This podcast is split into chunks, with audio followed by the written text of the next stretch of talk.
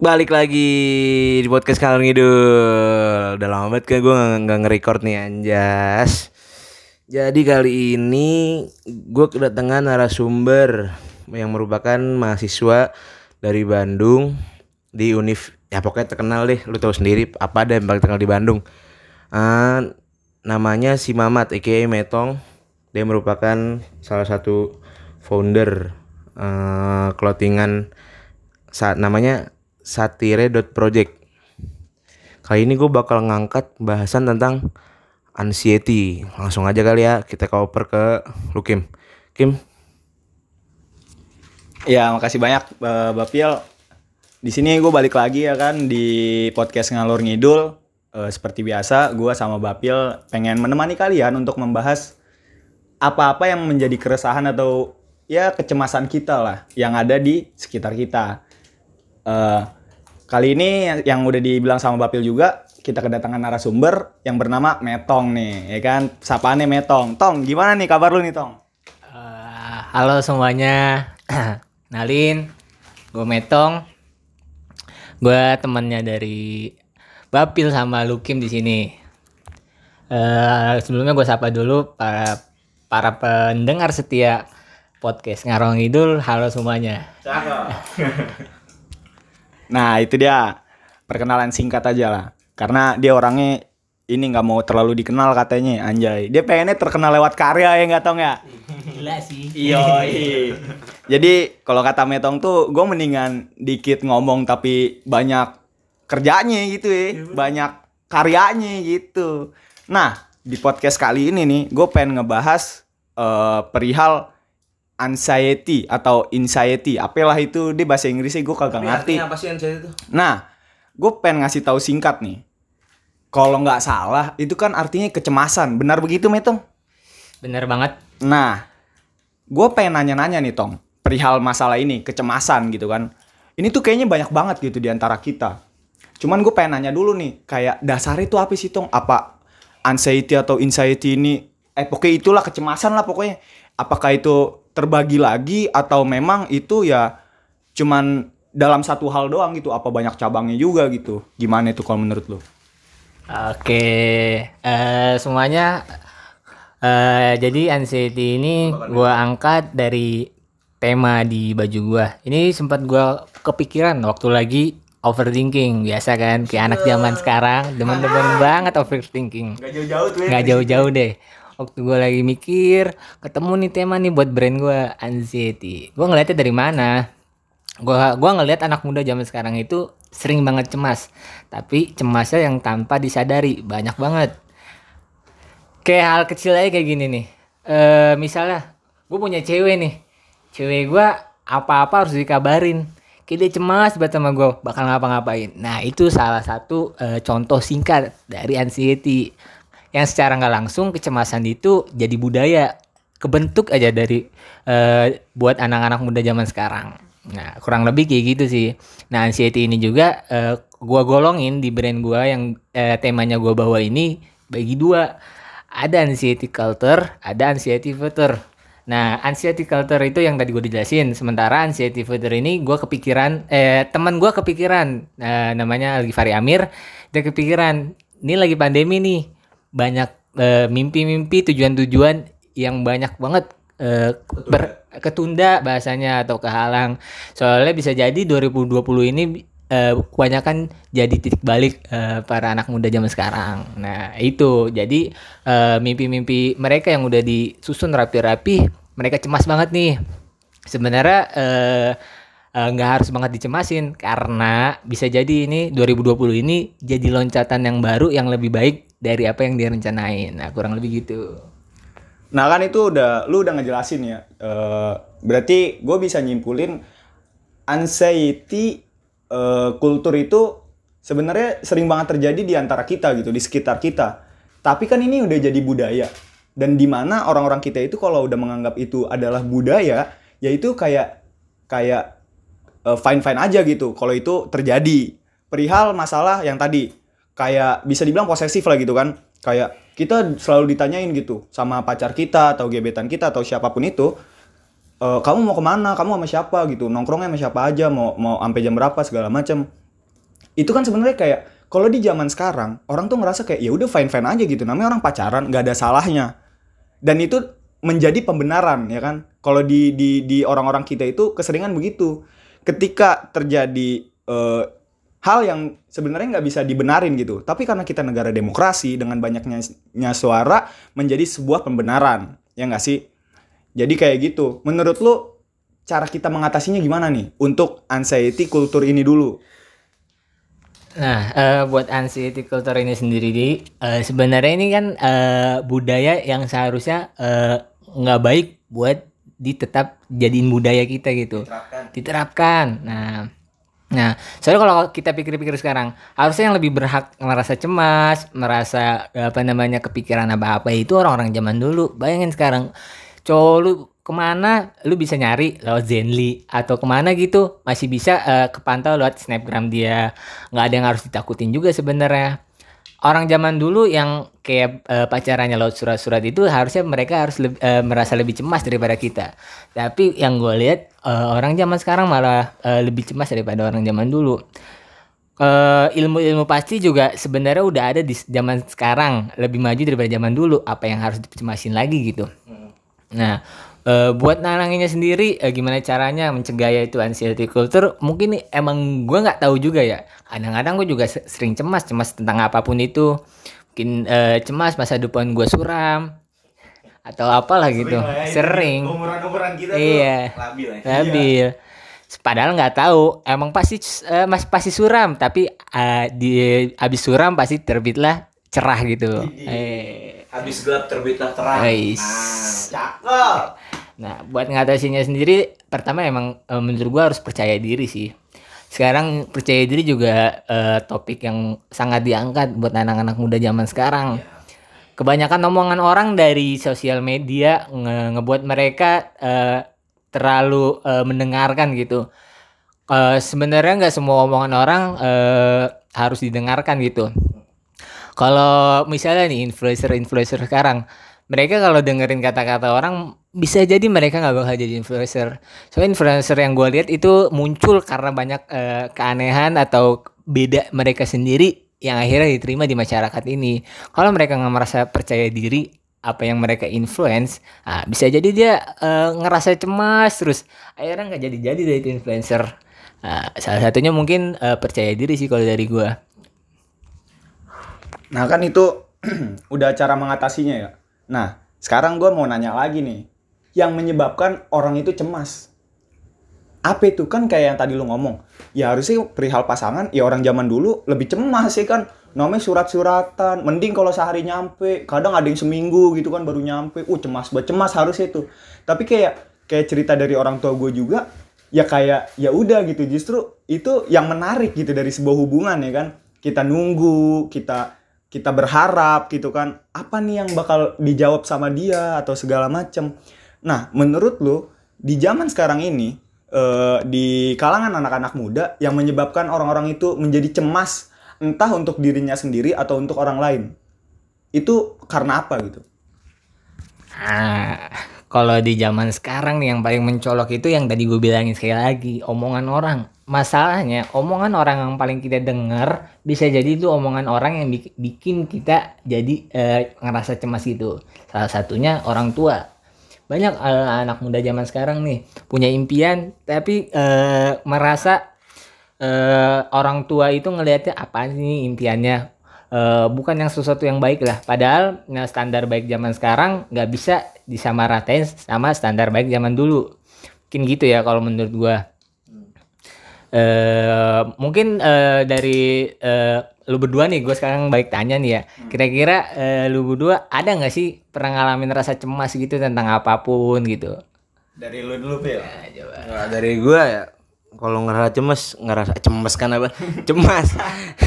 kalau cemas paling itu sih masa depan gua. Gue cemas aja gitu. Ntar gue depan kayak gimana? Ya, gua orangnya tobat aja belum, apa segala macam belum. Kerjaan gimana, kuliah gimana. Makanya gua nge sebenarnya gue pengen nge-stop omongan-omongan yang sampah ini menurut gue trash anjing kayak nggak guna buat gue gue mending kayak ini diri gue nah udah gue lakuinnya buat diri gue sendiri biar gue sukses di depan masa lah biar gue sukses di masa depan gitu bos ah hmm. Nah kalau dari gua nih ya, kita nggak bisa pungkirin lah. Pasti setiap orang itu pernah ngalamin. Mau dia sehappy sehappy apa pun, mau dia se sesukses apa pun, menurut gua pasti ada aja hal-hal yang dicemasin. Tak luput dari gua. Gua pun sering gitu ngalamin. Dan kayak waktu-waktu yang paling pas tuh kayak lu malam ya kan terus lu di kamar lagi sendiri gitu tuh tiba tiba-tiba ya kan tiba-tiba itu kayak pikiran kosong langsung tuh mikirin gue nanti ke depannya mau jadi apa Mojok di kamar. iya gitu kan iya iya sambil ngerokok dengerin lagu-lagu melo gitu. Itu tuh udah kayak starter pack gitu tuh. Nah tapi kalau gue biasanya jadi gue terbagi lagi tong ketika gue mikirin itu kadang di satu sisi gue mikir kenapa dulu pas gue kecil gue bisa seyakin itu gitu. Ah dulu gue pengen jadi polisi ah gue pengen jadi pemadam kebakaran gue pengen jadi pilot. Walaupun gue juga belum tahu gitu basicnya apa nih untuk menjadi polisi untuk menjadi pemadam. Tapi kita bisa sepede itu seyakin itu gitu loh walaupun di perjalanannya kita berubah seenggaknya kita pernah pede gitu kan. Kita pernah seyakin itu. Nah gue tuh kadang di zaman sekarang kadang berpikir begini tong barangkali yang menyebabkan kita menjadi cemas pertama bisa bisa jadi dari orang-orang terdekat kita ya kan? Yang awalnya kita minta saran untuk menjadi lebih baik tapi teman kita malah secara tidak langsung dan tidak sadar menjatuhkan kita. Kadang dengan atau tanpa disadari. Terus yang kedua dari kata-kata di medsos. Kan suka ada tuh kayak kayak uh, mu cowok lah atau quotes quotes apalah. Kadang menurut gue itu sangat berpengaruh ya kan? Kadang kita nih eh, udah berpikiran ke depan gitu ah ini gue yakin nih keterima di UI gitu kan? Tiba-tiba di situ eh, di medsos-medsos banyak yang nulis masuk UI itu susah nggak segampang ngedapetin kamu. Kan suka gitu tuh. Jadi kadang kita jadi mikir lagi tuh. Kewen lah. iya apa iye gue bisa masuk ikan? Apa iye gue bakal keterima? Gara-gara gitu tuh menurut gue jadi makanya gue kadang eh, tidak setuju sih dengan dengan quotes quotes di IG itu. Karena itu masalah percintaan pun begitu. Jadi rumit menurut gue karena salah satunya karena medsos itu lah quotes quotes gitu tong. Lalu mah cinta gampang kan? iya simple aja sebenernya gitu. Nah, bener banget nih. Kata Lukin tadi poinnya udah dapet sebenarnya apa yang pengen gue sampaikan. Kenapa dulu kita waktu kecil gak pernah kayak ngerasa cemas. Apa yang menjadi impian kita kita sebutin. Mungkin salah satunya juga bisa jadi eh, bener juga tuh omongan orang.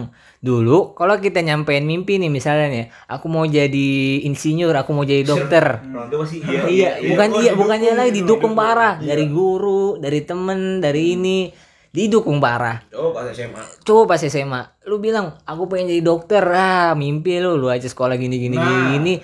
Itu kata temen eh, yang bisa kita ambil atau enggak. Nah masalahnya guru nih yang jadi apa namanya patokan kita.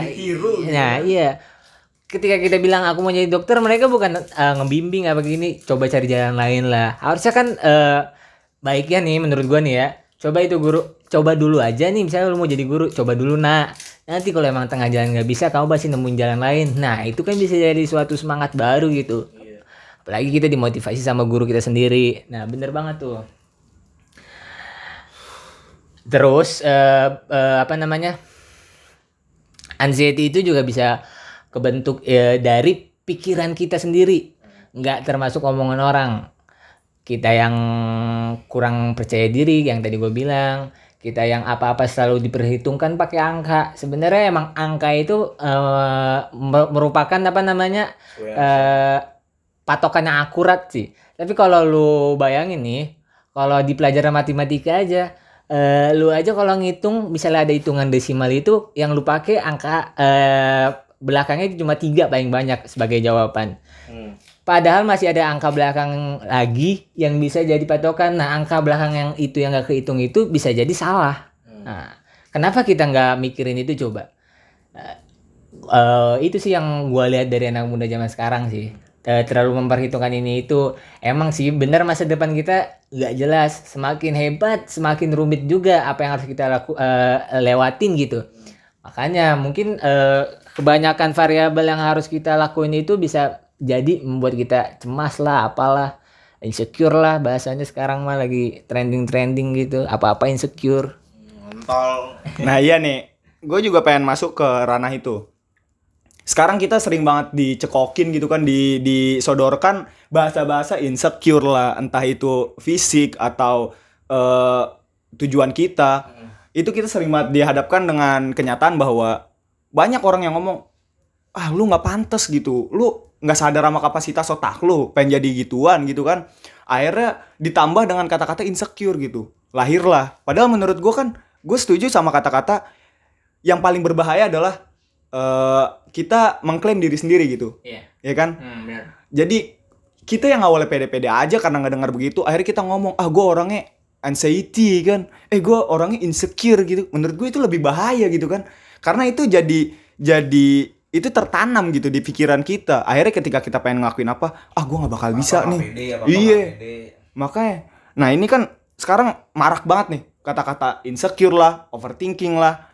Menurut lu ini eh, menjadi awal mula kita menjadi anxiety apa enggak Sebenarnya gue setuju banget sama insecure sama overthinking. Tapi insecure sama overthinking yang nantinya bisa kita ambil poin-poinnya ngerubah kita di masa depan jadi lebih baik. Bukan malam eh, ngerubah kita jadi tambah ah gue nggak usah ngelakuin ini. Coba cari sudut pandang lain gitu. Gue pengen ngelakuin ini. Tapi gue kekurangannya ini. Cari kelebihan yang bisa ngedukung lu memenuhi tujuan ini. Menurut gue gitu. Apalagi apa namanya anak zaman sekarang ya overthinking bukannya jadi ambil poin malah besoknya di overthinkingin lagi. Poinnya nggak dapat dapat kalau kayak gitu.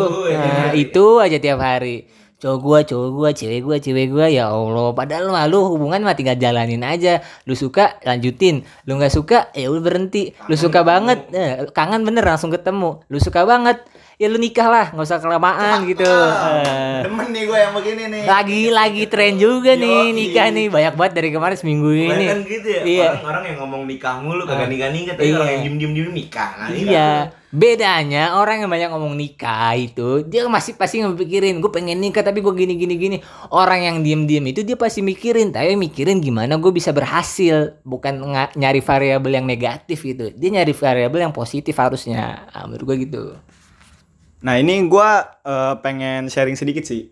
Sebenarnya menurut gue ya kata-kata eh, lihat prosesnya, jangan lihat hasilnya. Maksudnya hasil belakangan. Yang penting proses. Gue kurang setuju di zaman sekarang. Karena menurut gue kata-kata itu bukan lagi menjadi motivasi, tapi menjadi alibi untuk seseorang yang tidak dapat mencapai tujuannya. ah Iya nggak sih? Kayak sekarang begini. Contoh kita pengen jadi eh, insinyur gitu. Tapi kita eh, kita udah nargetin, ah gue pengen masuk kampus ini. Eh, soalnya ini grade-nya A gitu misalkan. Perihal eh, insinyurnya atau apanya lah gitu. Tapi eh gue ngerasa kok gua nggak belajar, kok gua masih nongkrong-nongkrong doang, kok gua nggak ada progresnya.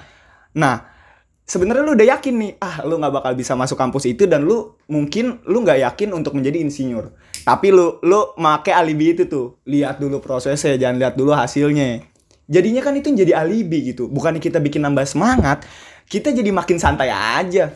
Sama gua nggak setuju sama kata-kata lo bermimpi setinggi setingginya karena kalau lo jatuh lo nggak bakal ja- jatuh jauh-jauh. Gue nggak setuju sumpah. Karena apa? Ya karena gitu. Itu tuh yang awalnya nih yang awalnya kita punya punya mimpi tinggi tapi karena kata-kata itu kita tuh nggak mikirin mimpi tinggi kita. Kita mikirin di bawahnya. Oh gue mau jadi pilot. Ah karena kata-kata ini. Ah gue iya ah pramugara lah. Ah kalau enggak gue yang penting kerja di bandara dah eh banter-banter gue jadi satpam deh yang penting di, benda- di bandara anjing. iya kan iya kan begitu ya kan juga Ya karena kata-katanya begitu loh, mimpi setinggi tingginya. Karena kalau lo jatuh, lo nggak bakal jauh dari situ. Harusnya nggak usah tuh kata-kata. Lo mimpi setinggi tingginya, udah titik. Supaya itu jadi motivasi ya kan, gitu. Nah menurut gua, ya itu lahir dari udah menjadi adat juga kan. Jadi itu fine fine aja gitu di antara kita. Tanpa kita sadari itu menjadi kecemasan tersendiri untuk kita. Nah gue pengen masuk di ranah anxiety future gitu kan. Nah, kan kalau di 2020 ini mungkin banyak yang bertanya-tanya juga gitu. Ya kalau yang tadi lu jelasin, ya kita banyak tertahan di 2020 ini mungkin karena pandemi ini. Dan ini secara alami tidak bisa kita duga gitu kan. Ini lu bilang anxiety future tadi. Gue pengen nanya gimana kalau itu nggak lahir dari secara alami gini, bukan dari pandemi. Entah itu misalkan dari ekonomi kan kita nggak ada yang tahu kan atau itu dari eh, lo punya kekurangan yang akhirnya lo tidak bisa masuk ke eh, universitas atau atau tujuan yang ingin lo pilih itu masuk nggak dalam anxiety future itu Nah, baik eh, langsung kita ke anxiety future nih ya. Lanjut bahasan lanjutnya nih. Gue sebe- sebelumnya gue setuju tadi tuh sama kata-kata Lukim tuh. Eh, mimpilah setinggi tingginya kalau kamu jatuh, kamu bakal jatuh di salah satu bintang misalnya gitu kan ya. Gue setuju tuh. Harusnya nggak ada kata-kata jatuh itu. Itu bisa jadi eh, tambahan semangat yang pol gitu jadinya. Heeh. jadi ya tujuan gue cuma satu Ah, ada makanya harus diralat itu kata-katanya mimpilah setinggi tinggi eh, setinggi tingginya tapi yang bisa kamu lihat gitu nah kan kalau lu lihat nih misalnya lu eh, mimpi ya, lu sekarang kuliah nih di jurusan bisnis mimpi lu tingginya itu bakal bikin gurita bisnis gitu. Ya itu lu bisa ngelihat soalnya lu emang dari eh, basicnya bisnis lu bisa ngebangun. Tinggal lu gimana cara ngebangunnya. Nah, buat anxiety future sendiri ini eh sebenarnya eh, kebetulan aja nih. Yang jadi eh halangan sekarang ini masa-masa pandemi gini. Apa namanya kreativitas orang walaupun nggak sepenuhnya terhalang tapi adalah eh, beberapa yang bikin itu eh, terhalang lah sedikit-sedikit. Nah makanya nggak harus eh, sebenarnya anxiety future ini juga eh, udah lama jadi budaya juga yang tadi balik lagi anxiety culture ini nggak eh, nggak selamanya apa namanya anxiety future ini ada apa namanya ada penghalangnya gini. Ada juga itu terbentuk lagi kembali dari diri kita sendiri. Nah, makanya itu harus dijauh-jauhin. Kata Gofar apa sih? Mim oh ini mimpilah setinggi langit asal langitnya kelihatan. Nah, itu tuh cakep. mantap Mantep. Nah, balik lagi ke anxiety future ini. Kayak lu nih misalnya nih, lu waktu TK nih, nggak lu nggak pernah ngebayangin kan lu akhirnya bisa kuliah eh bukan kuliah SMA dulu dah di SMA favorit di tempat terbaik gitu lu nggak bakal kepikiran kenapa lu sekarang kepikiran masa depan lu bakal bahaya sementara semua itu udah ada yang diatur kan? Kalau kita percaya sama Tuhan pasti kita percaya semua udah ada yang ngatur. Tinggal gimana usaha kita buat ngecapai itu. Entah itu dengan apa pun yang bisa ngebuat kita akhirnya sampai ke situ. Mungkin itulah. Nah, nih gua pengen nanya nih. Kan mungkin nanti banyak juga gitu di benak-benak teman-teman sekalian yang ngomong, ya dulu gua kecil kenapa nggak kepikiran ya karena gua nggak nggak tahu beban hidup gitu. Ya gua taunya have, fun, gua taunya main sama teman segala macam. Nah, jadi yang pengen gue tanya di sini, apa kecemasan ini lahir karena kita sudah tumbuh menjadi dewasa, sudah tahu yang namanya beban hidup, kita sudah tahu yang namanya kerasnya hidup atau segala macam. Jadi kayak ini tuh udah ada fasenya nih. Dan ini udah pasti dilalui oleh setiap manusia. Setiap dari kita. Apa ini tuh bisa aja gitu nggak kita lewatin. Ya karena ini lahir ya dari diri kita gitu. Yang nyiptain kecemasan itu ya dari kita. Jadi pertanyaan gue gitu. Apa ini memang sudah ada fasenya atau enggak? Ya kalau bisa dibilang ada fasenya benar banget ada fasenya. Tapi eh, baiknya gimana kita jar- cari jalan secepatnya buat keluar dari kecemasan ini dengan jalan yang terbaik gitu. Jangan dipendam-pendam terus. Kecemasan ini terus berputar ya di elu di elu di elu. elu. Baiknya kita langsung cari cara nih biar keluar secara cepat, secara baik dari kecemasan ini. Bagusnya sih kayak gitu. gue juga nggak ngesal eh, nyalahin orang yang cemas eh, atas apa pun itu eh, hak semua orang dan itu pasti nimpa semua orang juga Maka, makanya itu apa namanya eh, gimana apa namanya kita cari cara ca- cari cara buat eh, keluar eh, dari anxiety ini eh yang terbaik dan yang eh tercepat lah Eh, karena berlama-lama dalam kecemasan itu kurang baik. Eh, keluar dari kecemasan, keluar dari zona nyaman itu eh, salah satu jalan terbaik buat lu eh kelu apa namanya capai mimpi-mimpi lu itu. Cukup lah buat eh, cemas-cemas. Semuanya udah diatur. Lu juga nggak bakal tahu eh, jodoh lu gimana, tapi udah ada aturannya gitu. Jadi santai aja lah buat lu, lu anak muda zaman sekarang yang suka banget merasa cemas gini-gini cemas boleh tapi segera cari jalan terbaik buat keluar dari situ nah mungkin itu statement terakhir dari gue Oh ya ini gue pengen sedikit disclaimer ya. Kenapa tadi gue berani ngomong kayak gue nggak setuju sama kata-kata mimpilah setinggi langit. eh soalnya kalau lu jatuh lu nggak jauh dari sana gitu. Karena menurut gua nabi pun dulu udah pernah ngomong gitu kan lo berdakwah sesuai dengan zaman lo. Karena maksudnya maksud gua begini loh nabi pun sudah memprediksi dari zaman dahulu bahwa eh, kehidupan di zaman masa depan itu berbeda gitu kan jadi kenapa gue bisa ngomong kayak gitu? Karena menurut gue sudah nggak relate lagi menurut gua. Karena orang-orang sekarang ya udah di comfort zone masing-masing susah gitu mau keluar. Jadi itu bukan menjadi satu acuan tapi malah menjadi satu alibi untuk pembenaran. Menurut gua begitu. Sama halnya kayak kayak begini. Kayak yang tadi eh, metong ngomong gitu kan kayak roda hidup ini kayak roda. Roda ini berputar. Lo nggak selamanya di bawah dan lo nggak selamanya di atas. Itu kalau lo jadi acuan kalau itu bisa jadi motivasi. Lo pasti mikir gue nggak mau nih roda gue lama-lama di bawah nih. Ibarat ban gue bocor gue pengen cepet-cepet nambel nih supaya gue cepet di atas. Tapi kalau orang sekarang nih dan gue sering ngobrol juga itu malah jadi pembenaran. Ketika orang dia udah tahu dia suram nih. Ketika gue nanya lo masa depan mau jadi apa? Nggak tahu. Orang orang udah dibilangin kok roda nggak selamanya di bawah.